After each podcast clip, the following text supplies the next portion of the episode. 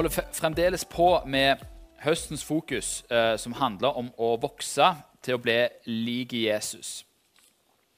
Og I dag skal vi begynne eh, på en serie på fire søndager som jeg har kalt for Snublesteiner. Det var jo veldig oppløftende å snakke om snublesteiner. He?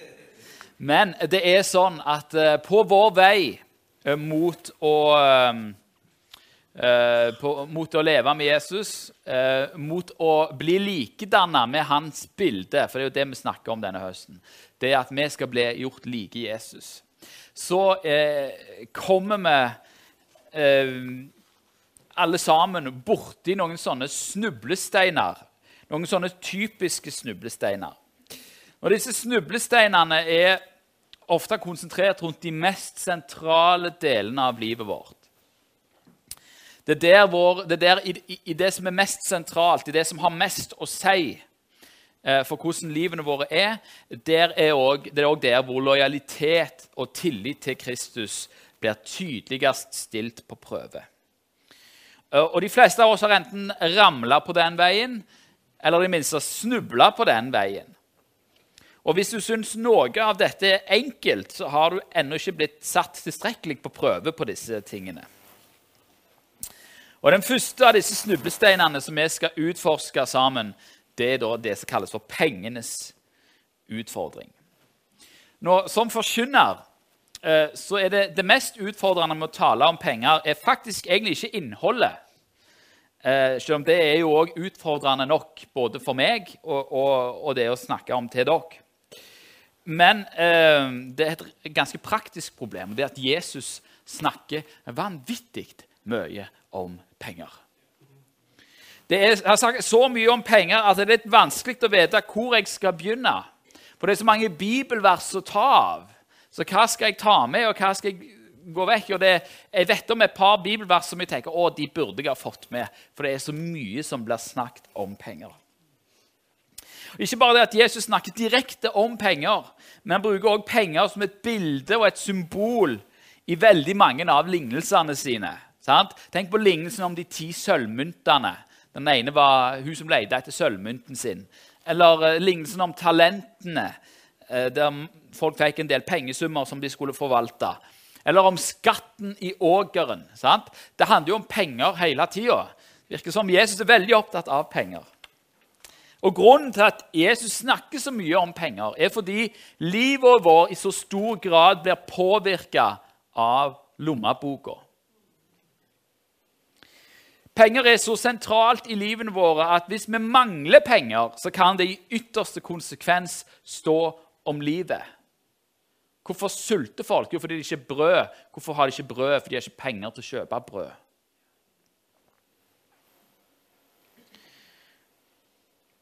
Hvis vi derimot har overflod av penger, så er det nesten ikke grenser for friheten og mulighetene det gir oss. Da er det ikke grenser for hva vi kan få tak i. Det er ikke grenser for hvor vi kan reise. Det er ikke grenser for innflytelsen man kan ha i samfunnet. Så penger og måten vi håndterer penger på, eh, er, det er en viktig indikator til hva som er viktig for oss. På engelsk så finnes det et uttrykk som heter 'put your money where your mouth is'. Eh, og Det betyr eh, direkte oversatt 'legg pengene dine der munnen din er'. Eh, og med det så mener man at eh, ja, jeg hører at du snakker om det. Jeg hører at du snakker om å støtte det. Jeg hører at du snakker om Men jeg tror deg egentlig ikke før du viser at du bruker penger på det. En, en titt inn på bankkontoen vår forteller oss noe om hva som er viktig for oss.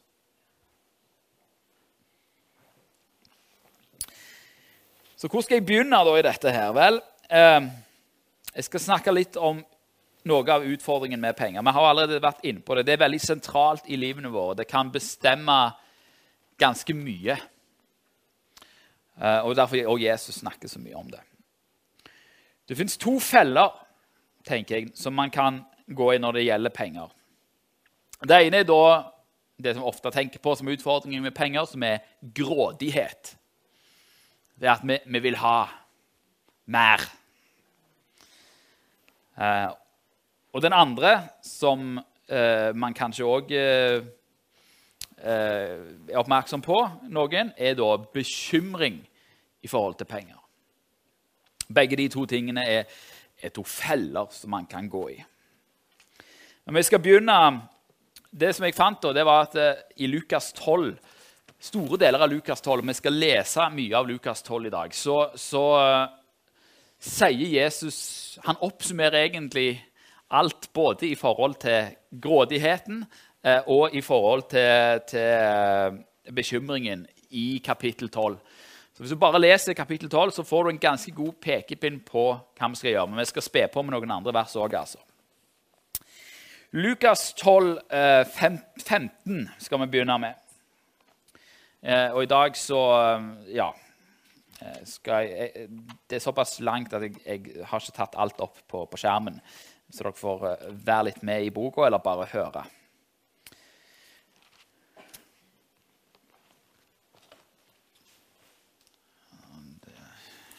Se, nå var jeg i apostlenes gjerninger. Der. Lukas 12, 15. Det begynner med en en, eh, en, mann som kommer til Jesus, og som ber, eh, ber han eh, sier til Jesus Kanskje du komme og fortelle til broren min at han må skifte arven med, med meg. Altså Han ville ha det som var sin del. Det var på en måte det utgangspunktet, innledningen for det man, man begynner å snakke om her. Eh, og så sier Jesus, eh, 'Hvem har satt meg til å dømme eller skifte mellom dere?' Det var, arve, var en arvetvist, rett og slett. Eh, mange familierelasjoner har gått eh, skeisen i arveoppgjør. Eh, som viser litt av pengenes makt, eh, eller eiendomsmakt. Eh, så, så arveoppgjør kan være en sånn plass. Og, og der sier Jesus Jesus vil ikke ta parti i dette. Men han begynner å snakke, ta en lignelse, og innledningen til denne lignelsen er denne her. Det står kalles for grådighetens fare. Han sa til dem, Lukas 12, 15, Se til å ta dere i vare for all havesyke. For ingen har sitt liv av sin eiendom selv om han har overflod. Tar dere vare for all havesyke, altså all, all, grådighet. For ingen har sitt liv av sin eiendom. Hva mener du her, Jesus? Særlig på denne tida var vel det akkurat det man hadde. Man hadde sitt liv av sin eiendom. Sant? Det du dyrka, det var det du spiste. Ditt liv var jo avhengig av om, om jorda om, om, om kornet vokste. Men så sier Jesus at ingen har sitt liv av sin eiendom, sjøl om han har overflod. Det er ikke der livet kommer fra. Det er ikke det som holder deg oppe. Hva er det Jesus sier? For mennesket lever ikke av brød alene, men av hvert ord som går ut av Guds munn. Det er Jesus, det er Gud, som har pusta liv inn i menneskene. Og det å ha det, og det, det å kjenne på det Vi, vi, vi snakket her tidligere om, om, arbeid eh, og på en måte hvordan det nærmest ble en forbannelse. Man, man måtte leve av jorda. Eh, og, og, det ble på en måte det man ble avhengig av. Man ble avhengig av sitt, sin egen arbeidskraft. Men her sier Jesus ingen har sitt liv av sin eiendom. Du har ikke ditt liv av din arbeidskraft. Du har ditt liv av Gud. Og Så begynner han å fortelle denne lignelsen. Han fortalte dem så en lignelse og sa en rik mann fikk stor avling av jorden sin. Da tenkte han ved seg selv, hva skal jeg gjøre? Jeg har jo ikke rom nok til å samle avlingen min i. Og han sa, dette vil jeg gjøre. Jeg vil rive ned låvebygningene mine og bygge større. Der vil jeg samle hele min avling og mitt gods. Så vil jeg si til min sjel, sjel, du har mye godt liggende for mange år. Slå deg til ro, et, drikk, vær glad. Men Gud sa til ham, Du dåre, i denne natt kreves din sjel av deg. Hvem skal så ha det du har samlet? Slik er det med den som samler seg skatter og ikke er rik i Gud. Hva er det som er fokuset for denne personen i denne lignelsen? Jo, det er ordet 'jeg'. Det går igjen seks ganger på seks vers omtrent, eller på, på veldig få vers. Jeg, jeg. Han tenkte altså, hva skal jeg gjøre? Jeg har jo ikke rom nok. Dette vil jeg gjøre. Jeg vil rive ned lovbygningene mine og bygge større. Så vil jeg samle hele min avling og mitt gods. Så vil jeg si til min sjel Sjel, du har mye godt liggende for mange år. Sant? Jeg, jeg, min, mitt.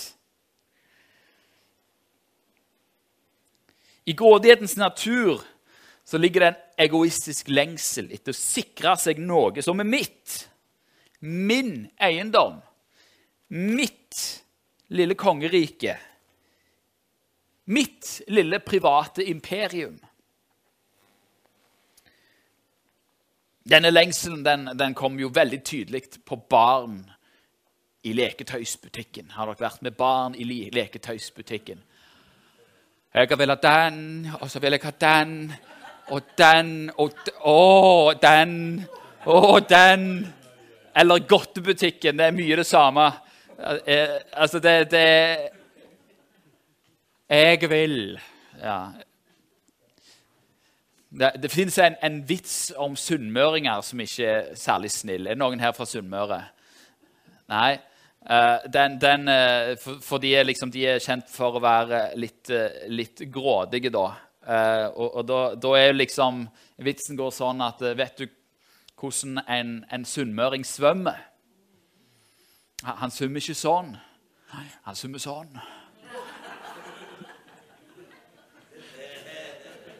Og Den bevegelsen der kan man på en måte Hva er grådighet? Jo, det, det er mer.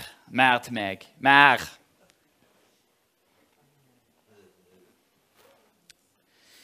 Og grådighet eh, kan få litt forskjellig uttrykk ut ifra om du har, eller om du ikke har. Om du har, eller om du ikke har.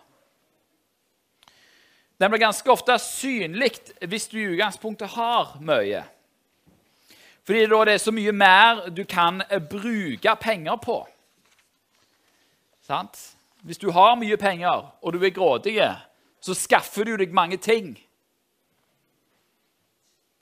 Hytta på fjellet, hytta på sjøen, båt, et par biler, fine biler, motorsykkel Duppeditter, klær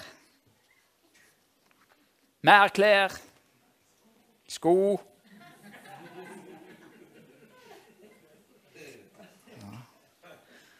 Alltid nye sko. Mm. Uh, så det er veldig synlig da, hvis du har mye. Hvis du ikke har Altså, du har ikke råd. Da kan man tenke at ja, ja, da er du jo fri for grådighet. da. Nei. For, du, for, for det, grådighet er den lengselen. Sant? Hvis du har, så får du mulighet til å fylle den lengselen.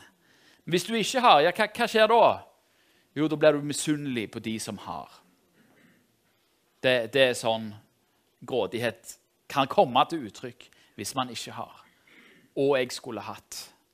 Og jeg skulle hatt. Og det er urettferdig at den har, og så har ikke jeg. Det virkelig dumme med grådighet, som Jesus påpeker i denne lignelsen, det er hvor kortsiktig det er.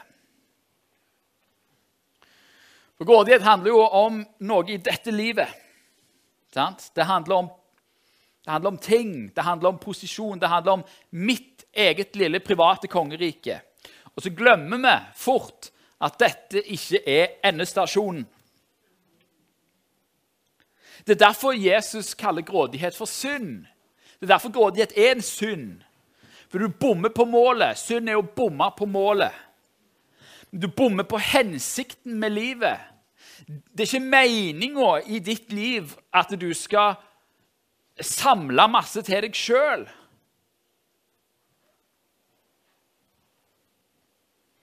Det er derfor Altså Det er ikke rom Hvis du vil være kristen, så er det ikke rom for ditt private rike i Guds rike. Du kan ikke være borger av to riker.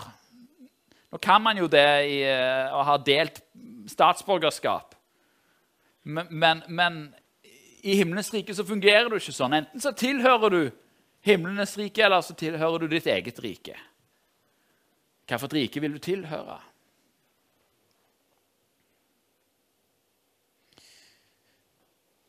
Fordi at det er en synd, så det Derfor sier Jesus så sterkt i Lukas 16, 13, at du kan ikke tjene både Gud og mammon.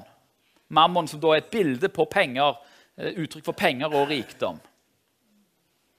Paulus i Kolosserbrevet 3,5 han kaller penger for avgudsdyrkelse. Pengegriskhet kaller han for avgudsdyrkelse. Grådighet det er å tilbe penger eller det penger kan gi deg. Derfor er det synd. Derfor er det så alvorlig.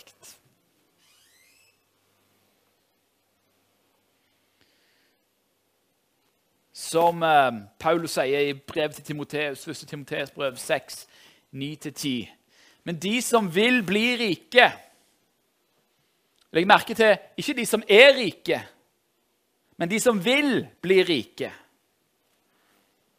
De faller i fristelser og snarer og mange slags dumme og skadelige lyster som senker menneskene ned i undergang og fortapelse. For pengekjærhet er en rot til alt ondt. I sin lyst etter penger har noen fart vill i troen og har gjennombåret seg selv med mange piner. Penger i seg sjøl er ikke en rot til alt ondt. Men den grådigheten, den lysten etter penger, pengeskjærhet, det er en rot til alt ondt. Altså Når det står at det, det, senker menneskene ned i undergang og fortapelse, så forestill deg at du er i sjøen, og så har du ei vekt på flere hundre kilo som drar deg ned i bånden. Det er det bildet som, som Paulus her bruker. Den makten fins det i grådigheten. Den makten fins det i pengeskjærheten. Det drar menneskene ned i fortapelse.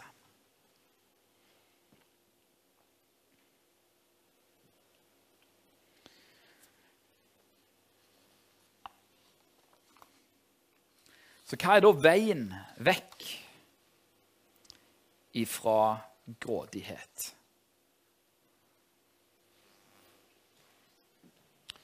Hvordan kan vi unngå å være grådige?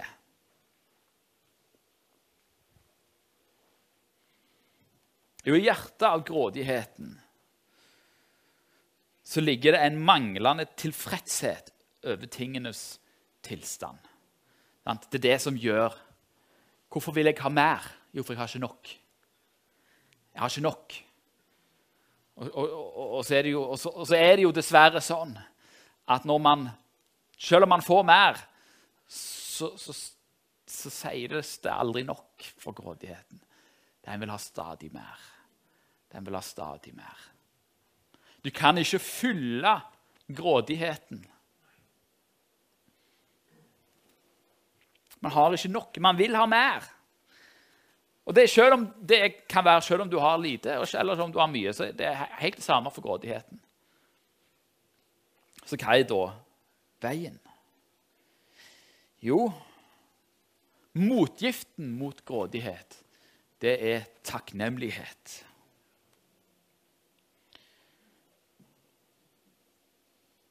Det er den beste holdningen man kan ha i møte med grådighet. For Hvis du er fornøyd med det du har, hvis du er takknemlig over det du har, selv om du ikke har mye Hvis du er takknemlig over det du faktisk har, så har grådigheten langt mindre makt. I Filippabrevet så sier Paulus Filippabrevet 4, 11-12 der eh, kommenterer han først at han, han setter pris på at, nå, at filipperne nå er i stand til å, til å, støtte han med midler. For det har de hatt ønske om å gjøre, men har ikke hatt mulighet til å gjøre det. Og så har de nå plutselig kommet i en situasjon der de har mulighet til å gjøre det. Og Så, så takker han for det, og så sier han jeg sier ikke dette fordi jeg har mangla noe. For jeg har lært å være fornøyd med det jeg har. Jeg vet hva det vil si å leve i trange kår. Jeg vet òg hva det vil si å ha overflod. I alt og i alle ting er jeg innvia. Både å være mett og å, være, og å sulte både å ha overflod og lide nød. Paulus, når han levde og reiste, så hadde han perioder der han hadde masse. Og så hadde han perioder der han ikke hadde masse. Det viktigste for Paulus var ikke om han hadde mye eller lite, men det var, men det, var det å være fornøyd. Det å være fornøyd med det en hadde. Hvis vi klarer å leve i takknemlighet, så får ikke penger makt over oss. Men hvis du til stadighet tenker 'Å, jeg skulle hatt det. Å, jeg skulle hatt det. Jeg vil ha større TV. Jeg vil ha større bil. Mer hestekrefter. Raskere bil så er du på en vei der du på en måte har mista evighetsblikket. Og så fokuserer du på det, det, som er her og nå. Så sier jo, det, Rett før dette med pengekjærhet, i 1. Timoteus brev 6,8, så sier jo Paulus har vi mat og klær, så skal vi la oss, skal vi la oss nøye med det. Og Så sier den vanlige nordmannen det er greit å ha et hus å bo i òg. Uh, ja, det er det. Men Paulus levde dette livet. Han hadde ikke et eget hus. Sant? Han reiste fra plass til plass, bodde hos folk, var avhengig av menneskers velvilje. Og, og så liksom ja, ok, Hvis jeg har noe å spise og hvis jeg har klær å kle meg med, så er jeg fornøyd. La oss nøye oss med det.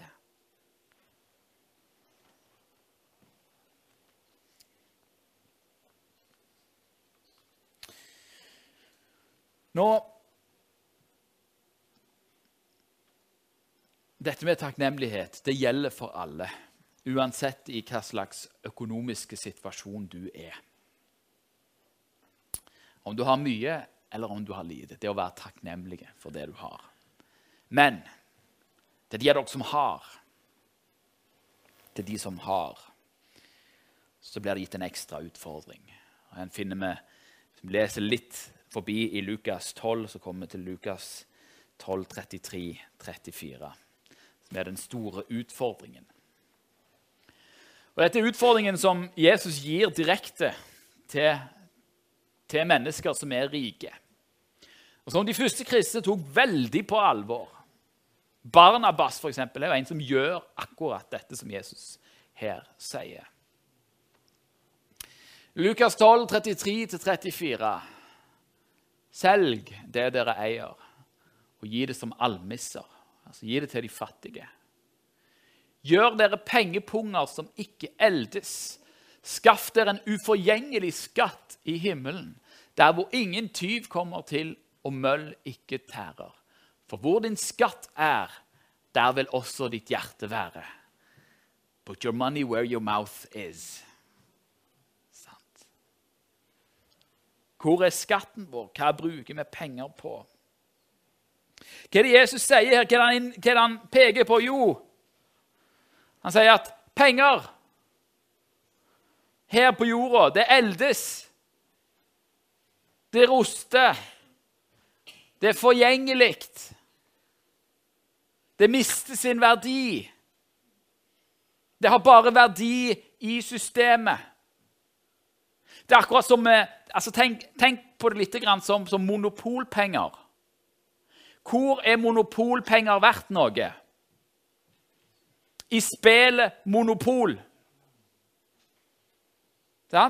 Når spillet Monopol er ferdig, så er ikke, penger, så er ikke monopolpengene verdt noen ting. På samme måte er det med penger i denne verden. De pengene som vi har, de er verdt noe her. Men de er ikke verdt noe når spillet er over. Sant? Derfor, ta, derfor, er det, det er det dumt å fokusere så mye på å skaffe seg så mye ting. For det, Uansett hvor fin bilen din er, så kan du ikke ta den med til himmelen. Og ikke motorsykkelen din heller. Og ikke huset ditt. Ingenting.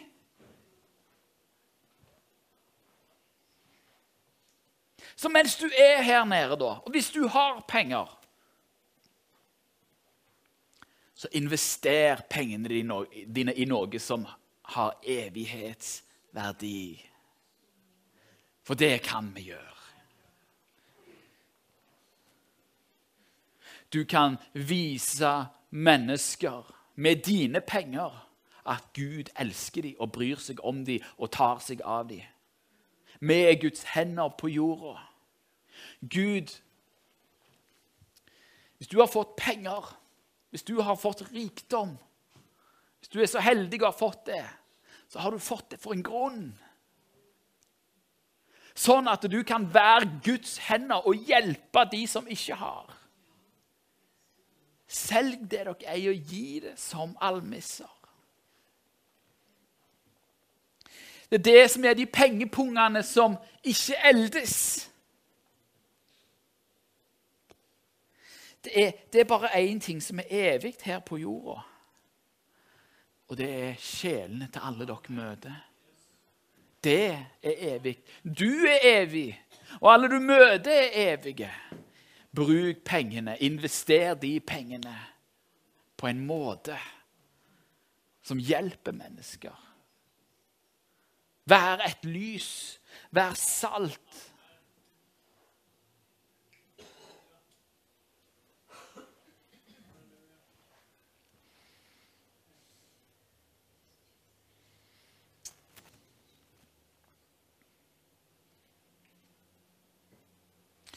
Jeg vet ikke om noen har sett filmen 'Schindlers liste'. Det er en uh, altfor sterk film som man ikke bør se før man er godt opp i åra.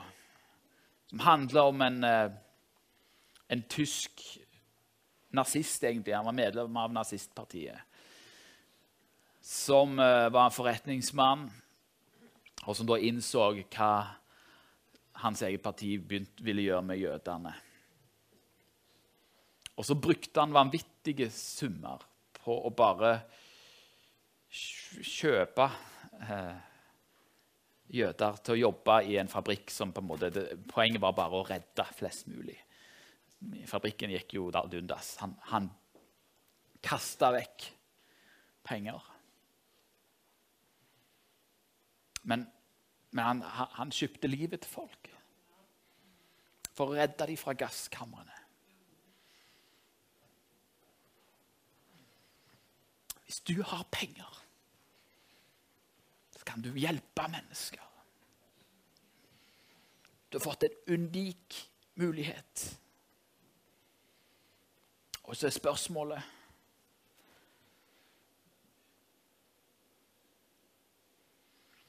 Hva vil du bruke pengene dine på?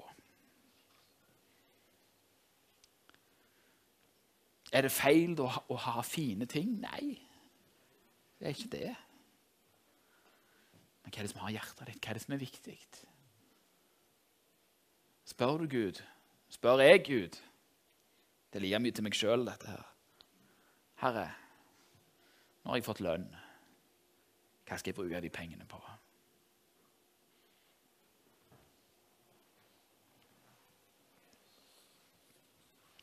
Den andre utfordringen i forhold til penger ligger i forhold til dette med bekymring. Og Her er vi også inne i Lukas 12. Nå skal jeg lese Lukas 12, 22-32 for dere.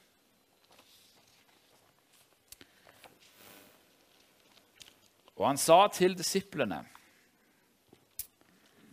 Derfor Dette er med den rike bonden i bakhånd. Derfor sier jeg dere, vær ikke bekymret for livet, hva dere skal ete, heller ikke for kroppen, hva dere skal kle dere med.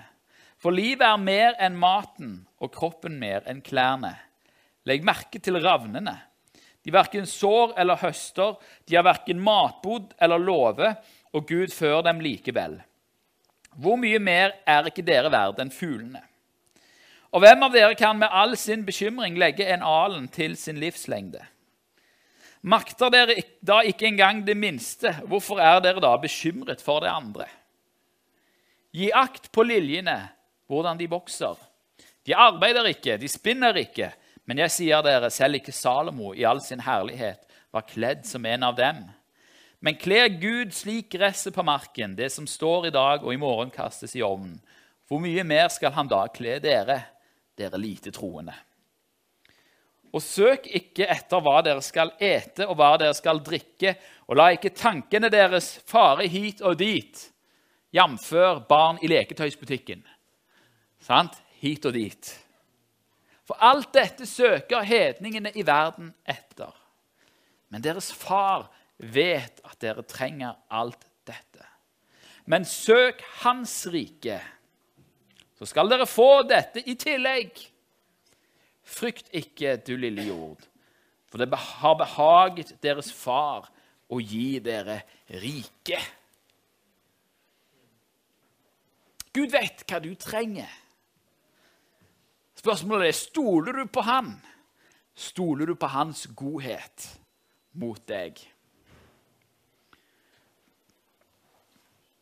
For to år siden da begynte jeg min eh, forkynnerkarriere. Jeg begynte å skulle leve av det. Så kom korona, så det var ganske sparsommelig da, kan du si. Og jeg levde fra måned til måned. Jeg gikk i tro fordi ja, det var ikke noe annet valg enn å på en måte gjøre det som jeg opplevde var rett. Og Så hadde vi en leilighet som jeg prøvde å leie ut, som var en del av dette til å få ting til å gå rundt. Så hadde vi endelig fått en leieboer. Og Så viser jeg at eh, denne leieboeren etter første betaling hadde egentlig ikke nok eh, midler eh, med jobb og sånne ting til å kunne bo der. Og Da står vi da i en situasjon der jeg har fått 7000 kroner inn på kontoen. Etter loven kan jeg beholde de. Jeg trenger de.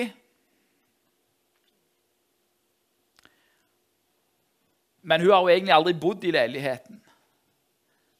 Så det føltes urett. Det føltes ikke rett å holde fast på de pengene. Så jeg hadde en samtale med kona, og så ble vi enige om ok, vi gir de 7000 kronene tilbake. Jeg hadde ikke trengt å gjort det, men jeg valgte å gjøre det. Og det koster. For det var penger vi trengte. Så går det ei tid, så får jeg en, en kompis av meg som ringer. Og så spurte han meg ja, hvordan går det med dette her, uh, å reise rundt som forkynner og sånt. Jo, nei, det er kjekt, det. Det går bra, liksom. Ja, sånn, sånn økonomisk, da. Hvordan går det der? Ja, nei, det, det tjener ikke så mye penger på å reise rundt som forkynner, sier jeg. Nei, men det er koselig. Jeg skal støtte deg litt. Og tenkte ja, tusen takk, det var veldig snilt. å tenke at ok, han, han kommer til å gi en sånn kollektgave. sant?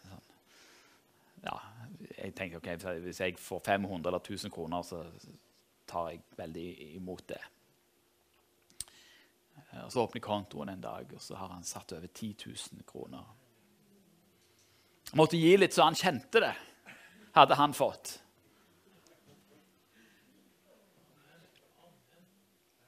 Jeg ga 7000, så fikk jeg 10 000. Og så kom svigerfar. Og dette hadde ikke jeg sagt til svigerfar. Og så eh, ga han meg 4000. Jeg lå oppe i 14 000. Så hadde jeg fått dobbelt igjen. Og så fortsatte svigerfar å gi 4000 hver måned i ett år. Jeg hadde jo noen turer på fjellet i den tida.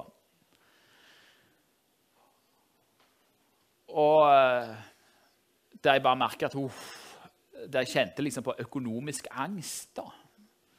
Så spør Jesus meg her, stoler du på meg, Thomas. Så måtte jeg jo innrømme at ja, jeg gjør jo det her. Men jeg gjør ikke det her. Men så gjorde jeg valg. Men jeg vil.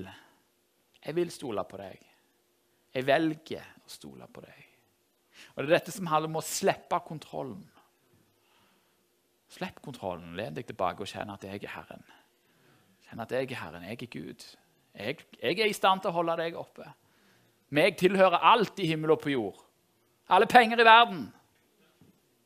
Sant?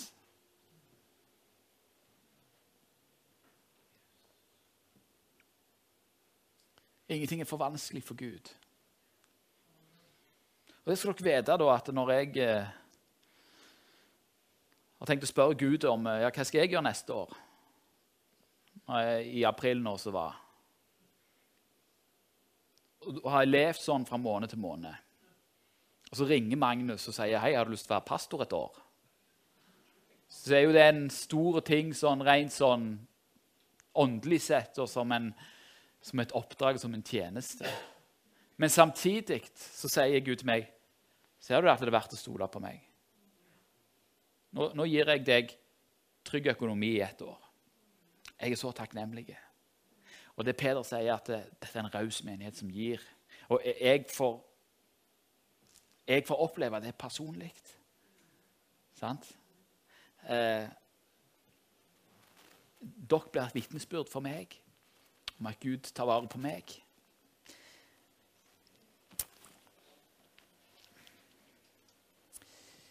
Gir vi opp vårt eget kongerike for muligheten til å være Guds kongerike?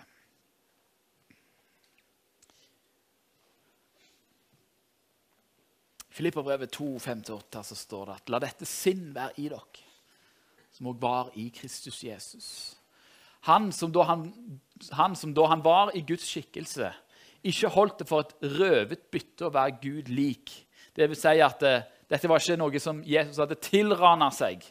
Han var Gud lik, men han uttømte seg sjøl idet han tok en tjeners skikkelse på seg da han kom i menneskers liktelse.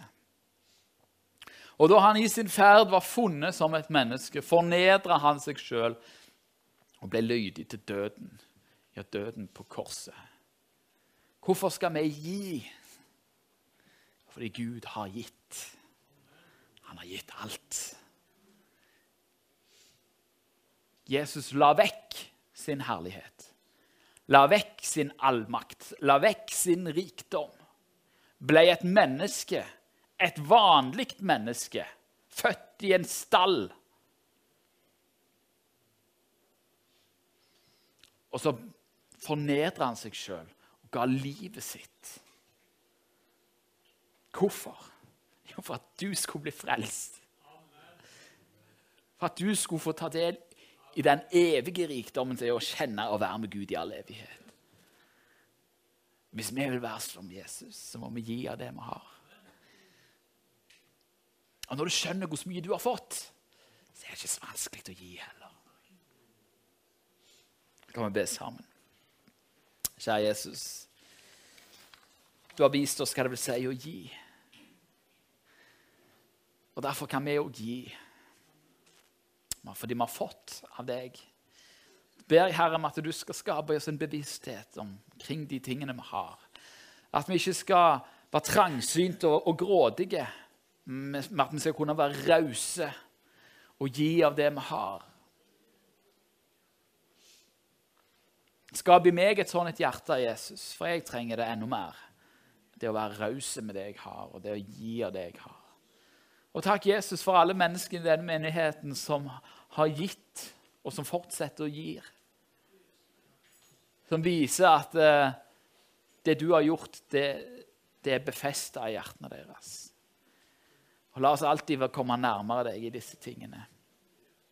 Kunne gi deg alt, og kunne gi til de som er rundt oss, de som trenger det. Amen.